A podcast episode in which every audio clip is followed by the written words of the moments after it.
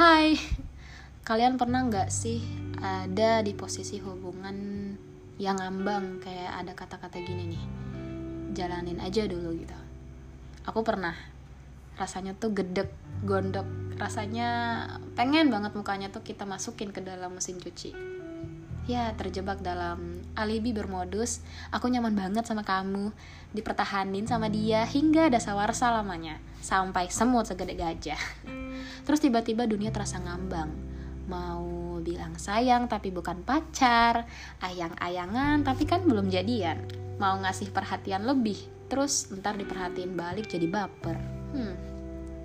Ya padahal kalau dipikir-pikir doi baik sama kita tuh bisa jadi cuma karena alasan gak enak dan berusaha sopan sama kamu.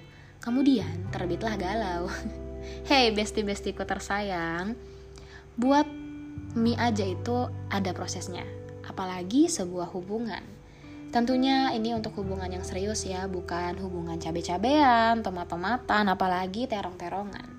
Kata kita jalanin dulu aja ya, ini tuh dapat menimbulkan macam-macam rasa.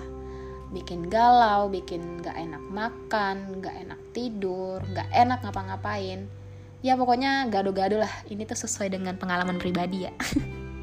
Sebenarnya ada beberapa faktor sih kenapa dalam setiap proses mau ngejalanin sebuah hubungan pasti ada kata kita jalani aja dulu. Ini menurut pengalaman pribadi aku sih. Ini yang pertama. Karena sebenarnya dia tuh nggak mau sama kamu, tapi nggak enak bilangnya.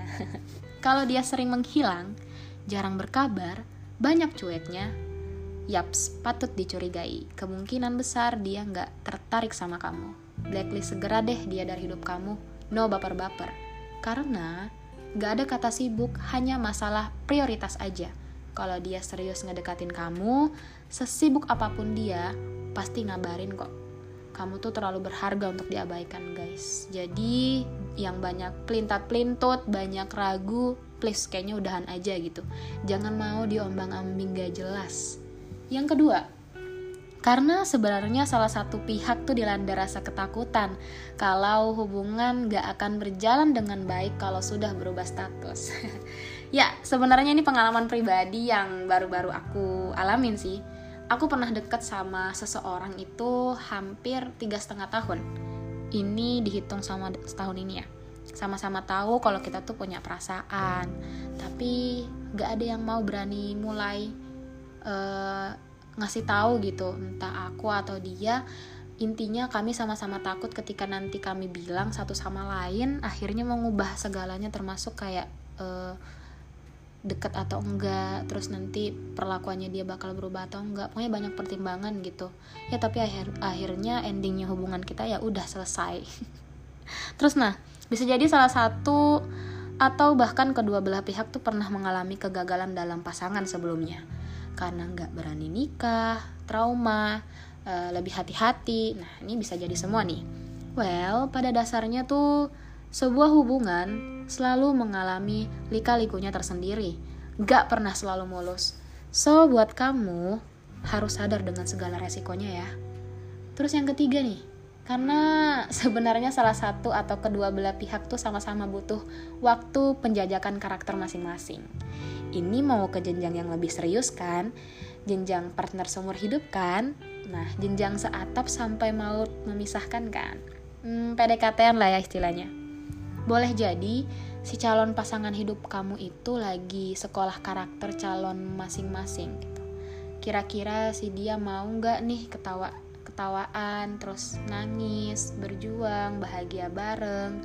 Kira-kira banyak cocoknya atau banyak cekcoknya entar nah bakal sayang gak sih sama keluarga gitu? Jadi pasti bakal banyak pertanyaan kalau setiap kita masih PDKT gitu yang keempat karena sebenarnya salah satu pihak terutama laki-laki bisa jadi sedang berusaha keras buat ngehalalin kamu di depan penghulu.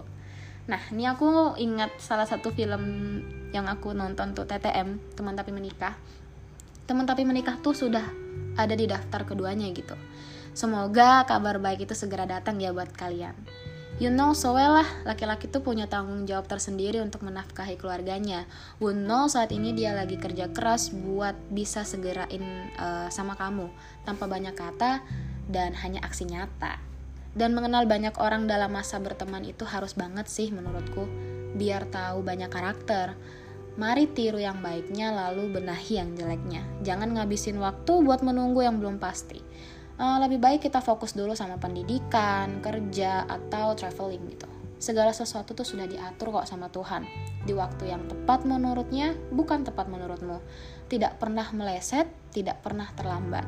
Right one in the right time. Nah, lagi-lagi kamu tuh kudu sabar dan ikhlas, guys. Ada baiknya, selama proses penantian panjang ini, kita sama-sama memperbaiki diri. Jangan lupa sertakan doa yang kenceng ya dalam momen menunggu itu. Secepatnya, setepatnya. Aku ingat banget nih lagu Rizky Febrian Penantian kalian nyanyi dalam hati aja ya. Dadah!